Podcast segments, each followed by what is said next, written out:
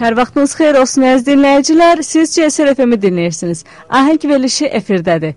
Mikrofon qarşısında isə sizinlə mənəm, Əsli Axundova.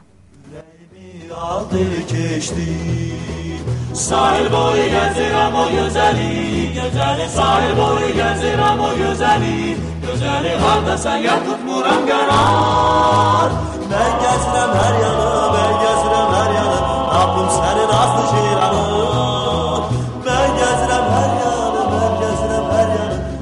sənin aslı ceyranı Qara qaşlı Gözəl çoxdur Amma ona bu sahildə bir tay yoxdur Qaşlar qara, göz badamı. Qəli elər hər adamı. Sahil boyu gəzirəm o gözəli Gözəli sahil boyu gəzirəm o gözəli Gözəli hardasan ya tutmuram qara Mən gəzirəm hər yanı, mən gəzirəm hər yanı Tapım sənin azlı ceyranı Ben gezirəm hər yanı, ben gezirəm hər yanı Tapım sənin azlı ceyranı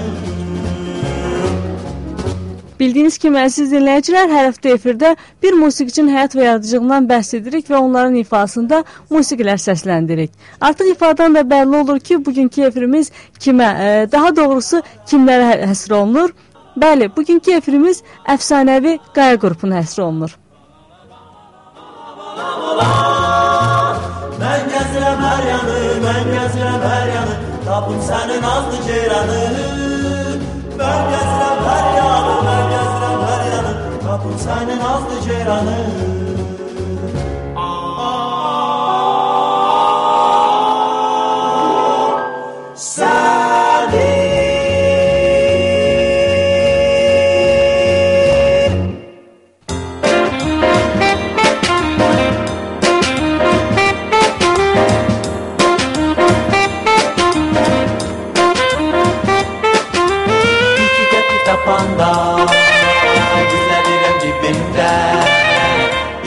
bisa sindir Kulağımın dibinde Laf delir bana Rüzgardan alır aklar Yana çattırar beni Telefon avtomatlar Zin zin zin zin zin zin Zin zin zin zin zin Yana çattırar beni Telefon avtomatlar 60-70-ci illərdə 4 nəfərdən ibarət bir qrupun səsi ittifaqın hər yerinə yayılır.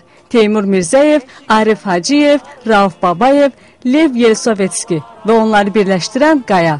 4 gənc kvartet yaratmaqla tarixə düşürlər. Bir-birlərini hələ Asif Zeynallıdan tanıyırdılar. O vaxtlar Bakıda çox səsli oxuyan qruplar yox idi. Onlara isə bir ağızdan xorla oxumaq xoş gəlirdi. Bir dəfə Teymur təklif edir ki, gəlin sınayaq, bəlkə nəsə alındı və başlayırlar müxtəlif gecələrdə mədəniyyət evlərində çıxış etməyə. 60-cı illərdə caz Bakıda çox dəbdə idi. Onlar da caz oxumağı çox sevirdilər və əsasən də caz oxuyurdular. İngiliscə icazə verilmədiyindən təbii ki, ingiliscə yox. O vaxtlar informasiya məhdudiyyəti var idi. Plastinkalar tapılmırdı. Mahnıları ancaq radio vasitəsilə qulaq asa bilirdilər. Hər axşam saat 11-də Amerikadan caz proqramı verilirdi. Harda olmalarından asılı olmayaraq həmin saatda radionun qabağını yığışardılar. Zin zin zin zin zin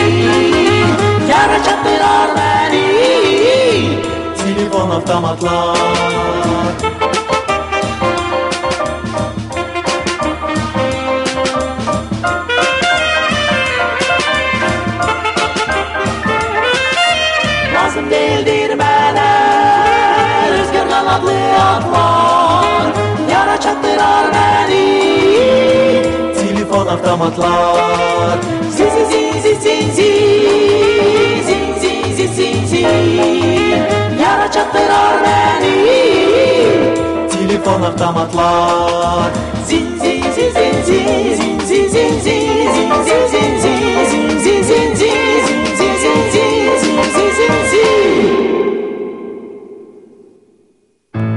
Tale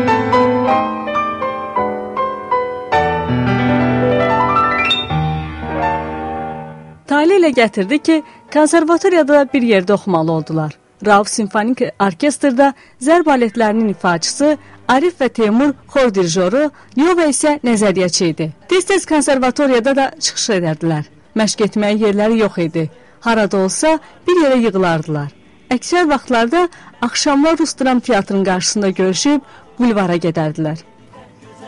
Soranına düşmüşəm Arzum diləyim səni Gəzir ürəyim səni qorxuram ki Tapa bilməyim səni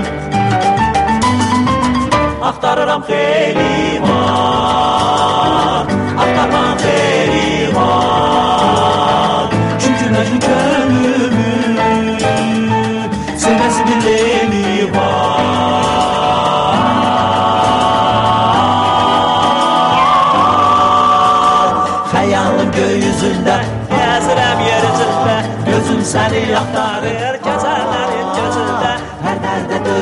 mən Qəlbimi əzirəm mən Bir leyli tək gözəli Axtarıb gəzirəm mən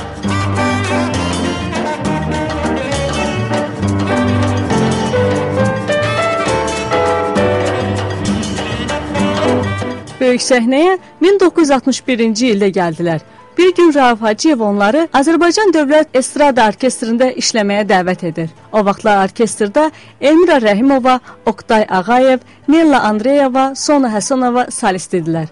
Orkestrdə oxuduqları birinci mahnı Rauf Hacıyevin Bakı, Əziz Əzizovun Tez gəl yar rus mahnılarından Trevojnaya Maladost idi. Burada onları Bakı vokal kvarteti adlandırırdılar. O vaxtlar orkestr çox məşhur idi.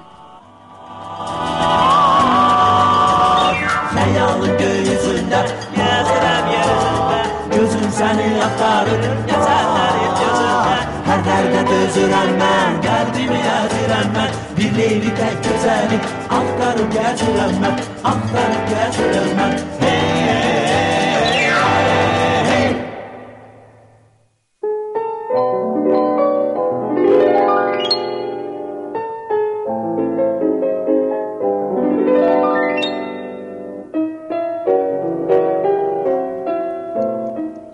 Rauf Hacıyev orkestrda yeni şou proqram hazırlayır.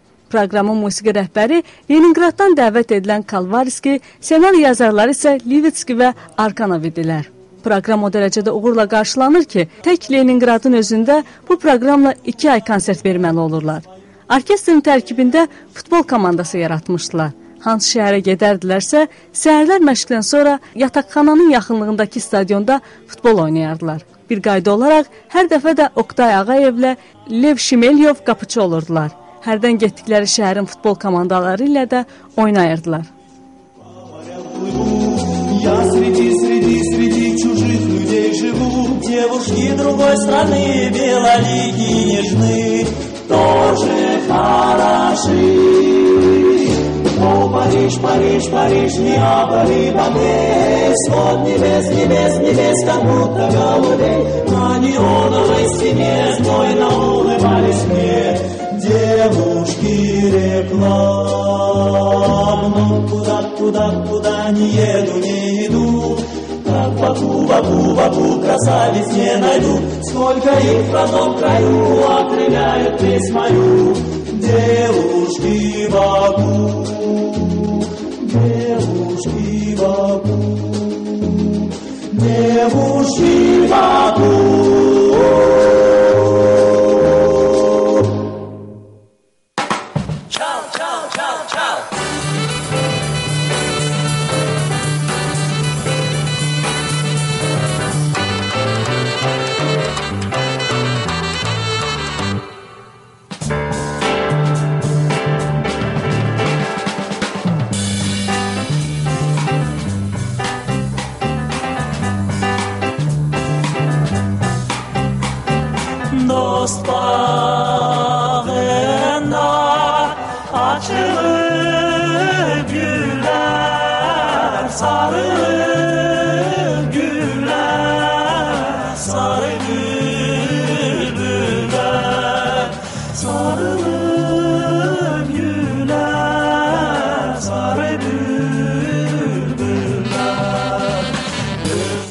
Rauf Babayevin fikrincə, onları Bakıdan daha çox Moskvada, Leningradda tanıyırdılar. 62-ci ildə Leningradda qastrolda olarkən onları yerli televiziya proqramına dəvət edirlər. Serenada, Solnoçnaya Dalina, Çuçu kimi Amerikan və daha bir neçə yerli mahnılar lentə yazılır və konsert şəklində yayımlanır. Sonra bilirlər ki, Leningrad televiziyası sən demə Finlandiyada da nümayiş etdirilirmiş. Bu konsertə Finlandiyada da baxanlar çox olub və konsertdən sonra orada onların kuklalarını hazırlayıblar. Çal oyna, yaxşı olan qəşəng qız çal oyna, gözəl olan gözəl qız çal oyna, mehribanım mehriban dur oyna, çal oyna, mehribanım mehriban dur oyna, çal oyna, yaxşı olan qəşəng qız çal oyna, gözəl olan gözəl qız çal oyna.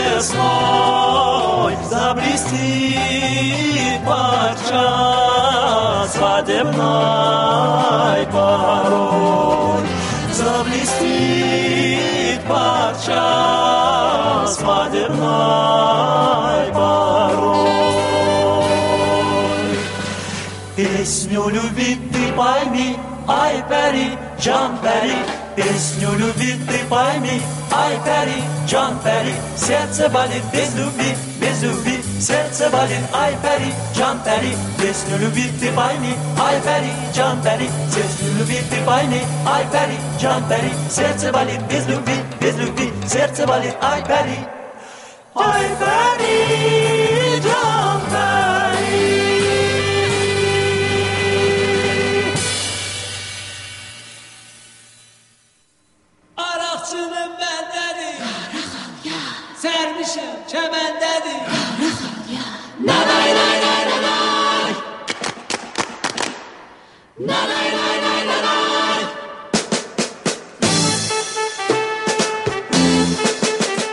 Orkestrdə 1963-cü ilə qədər işləyirlər. Artıq orkestrin tərkibində işləmək onları qane etmirdi. Sərbəst fəaliyyət göstərmək istəyirdilər. Amma bu təsəvvür etdikləri qədər asan olmadı.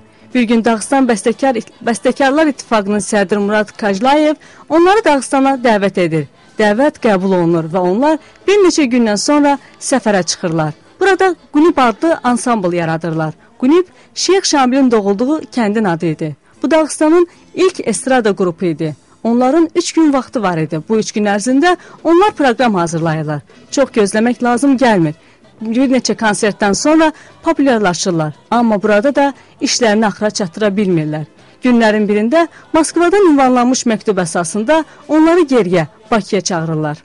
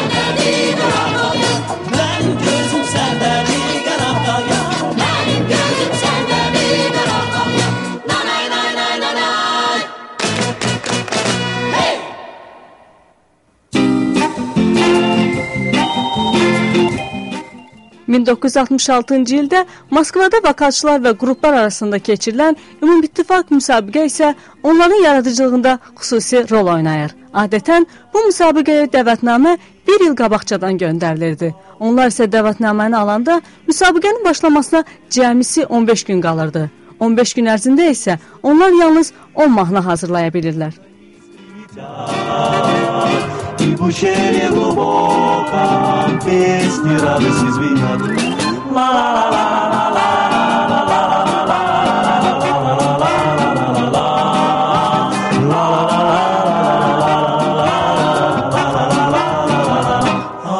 которой так он спешит, одну из этих песен повтори.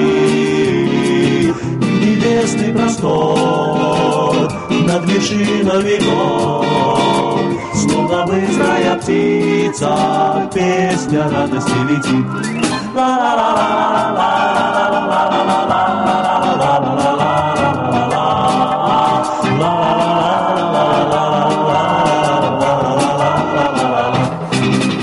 Müsabiqə çox gərgin keçir. Alla Pukaçova, Yosif Kabzon və başqaları da iştirakçılar arasında idi. Qruplardan isə Gürcüstandan trio, Pribaltikadan Layme, Moskvadan Sovetskaya Pesnaya və başqaları birinci yer üçün mübarizə aparmalı idilər. Azərbaycanın təmsilçisi isə onlar idi. Bütün qruplar eyni kostyumda çıxış etməli idilər. Onlar isə kostyum tikdirməyə vaxt tapmadılar. Oleg Lükstrem onların köməyinə çatır. Orkestrindəki çalğıçıların kostyumlarını onlara verir. Birinci turun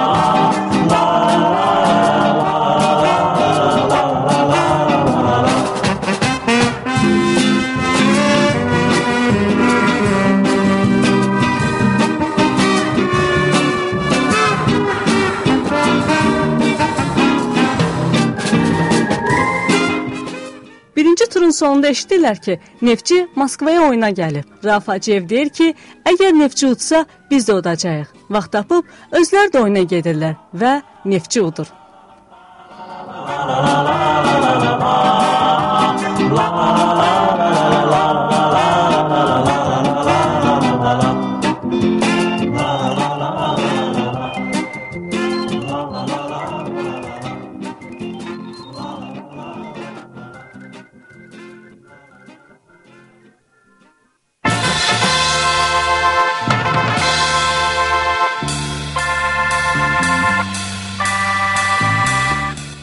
Müsabiqənin üçüncü turu da artıq başa çatmaq üzrə idi. Onlar hələ ki birinci yerdə gedirdilər. Bu barədə Bakıya da məlumat çatmışdı və Bakı qəzetləri onların bu uğuru haqqında xəbərlər dərc edirdilər. Bakıya qayıtdıqdan sonra məlum olur ki, qəzetlərdə onların adı Mirzə Babayev, Rauf Hacıyev kimi yazılıb. Bu gənclər Bakıda hələ çox az adam tanıyırdı. Ona görə də düşünürdülər ki, Moskvada qalib gələ biləcək adamlar varsa, bu ancaq Mirzə Babayev, Rauf Hacıyev ola bilər. Bu da həmin an. Butyosov, Tofiq Quliyev, Lagidze, Liyadova, Milyutiv kimi görkəmli musiqiçilərdən ibarət münsiflər heyəti qərarı elan edir. Qalib onlardır.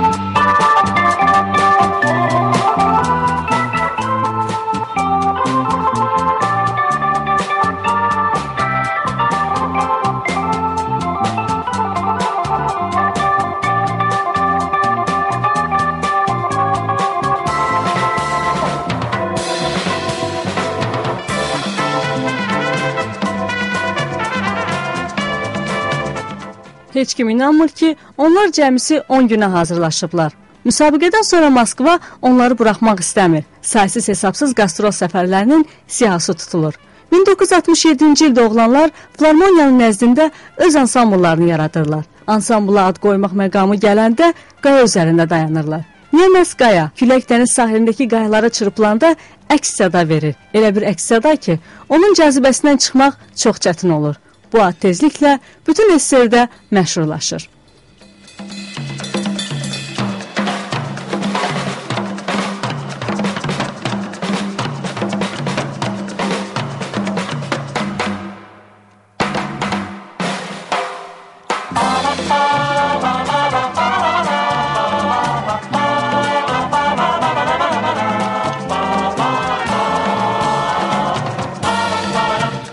1972-ci ildə Qaras Show proqramını hazırlamaq qərarına gəlir və qrup öz tərkibinə iki qadın Qala Barinova ilə Tamila Ağaliyevanı da daxil edir. Tam sərbəst şəkildə solo konsertlərə isə 72-ci ildən sonra getməyə başlayırlar. Onlara orijinal janrlar, fokusçular, janglyorlar, rəqqaslar da qoşulurdu.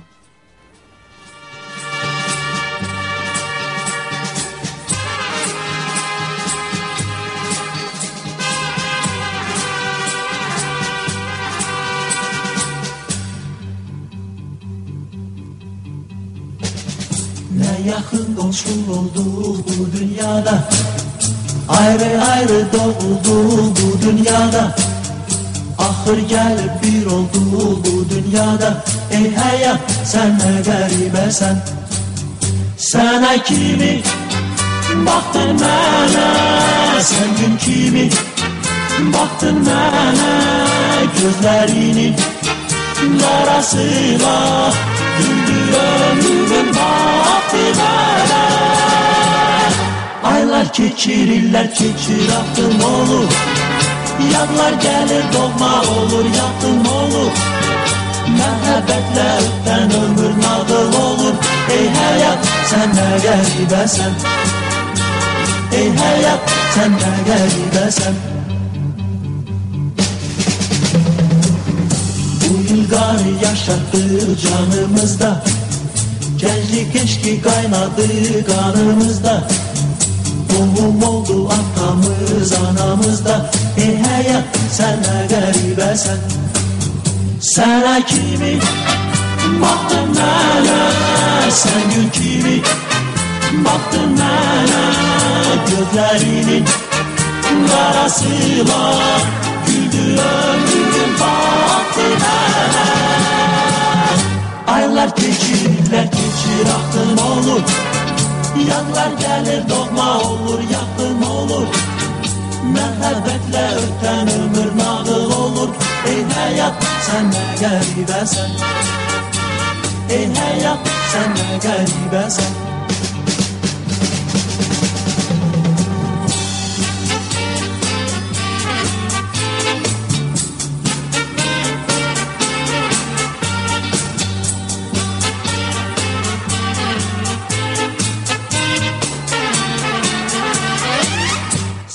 illər ərzində 40 ölkəni gəzirlər. Afrikanı demək olar ki, bütün ölkələrində çıxışlar edirlər. Rauf Babayev deyir ki, indiki cəldə SSR-dən ilk dəfə olaraq onlar çıxış ediblər. Maraqlı səfərlərindən biri ABŞ olub. Houstondakı Caz kollecində konsert verməli idilər. Konsert zamanı salonun reaksiyasını heç cür başa düşə bilmirdilər. Onlara çox sakit və təmkinlə qulaq asırdılar. Belə bir şəraitdə oxumaq da onlar üçün çətin idi. Bir neçə mahnıdan sonra caza keçirlər. Mahnının ortasında tamaşaçılar ayağa durmağa başlayırlar. Oğlanlar ümid ümidsizcəsinə bir-birlərinə baxıb fikirləşirlər ki, tamaşaçılar onları bəyənməyib çıxıb gedirlər. Amma birdən gürültülü alqışlar onları diksindirir. Tamaşaçılar onları alqışlayır və səhnəni tərk etməyə hazırlaşan oğlanları geri çağırırlar. Onlar sonuncu mahnını bir neçə dəfə oxumalı olurlar. Oxşar hal Macaristanda da olur. Bütün ölkələrdə çıxış etmək onlara zövq verirdi, xüsusən də Kubada. Zal ağzınacan dolu olardı. Konsert zamanı bütün zal rəqs edirdi. Hətta pərdə arxasında xadimə qadın da işini rəqs edə-edə görürdü.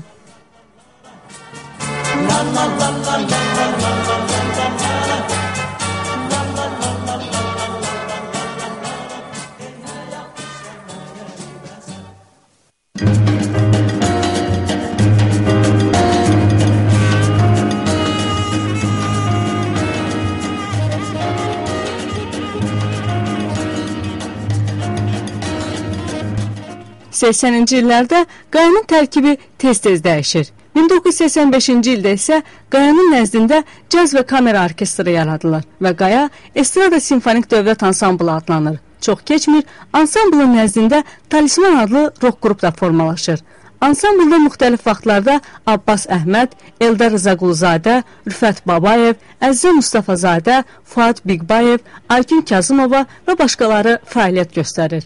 Tofiq Quliyev, Fikrət Əmrov, Rauf Hacıyev, Vasif Adgözəlov, Oktay Zülfüqarov, Fərəc Qarayev, Əziz Əzizov, Tofiq Babayev kimi bəstəkarlarla çalışan Qaya fəaliyyətinə 88-ci ildə nöqtə qoyur.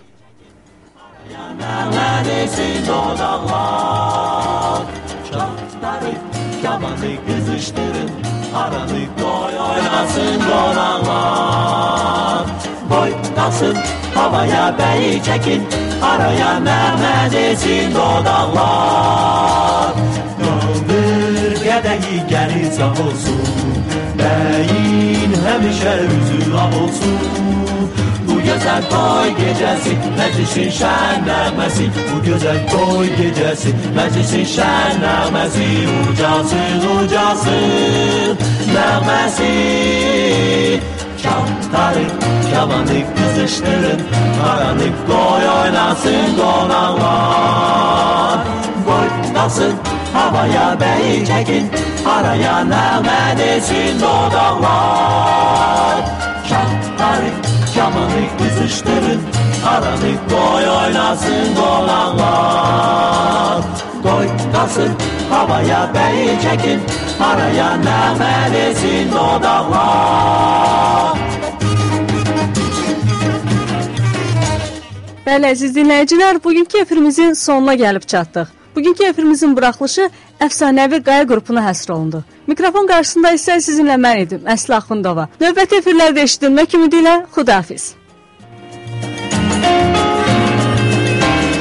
Çanları kamanı kızıştırın Aranı koy oynasın konaklar oynasın Havaya beyi çekin. Araya nəməlisin dodaqlar Şahtarı, gamını büzüşdürün Aranı qoy oynasın qonaqlar Oynasın havaya beyi çekin. Araya nəməlisin dodaqlar Nəməlisin dodaqlar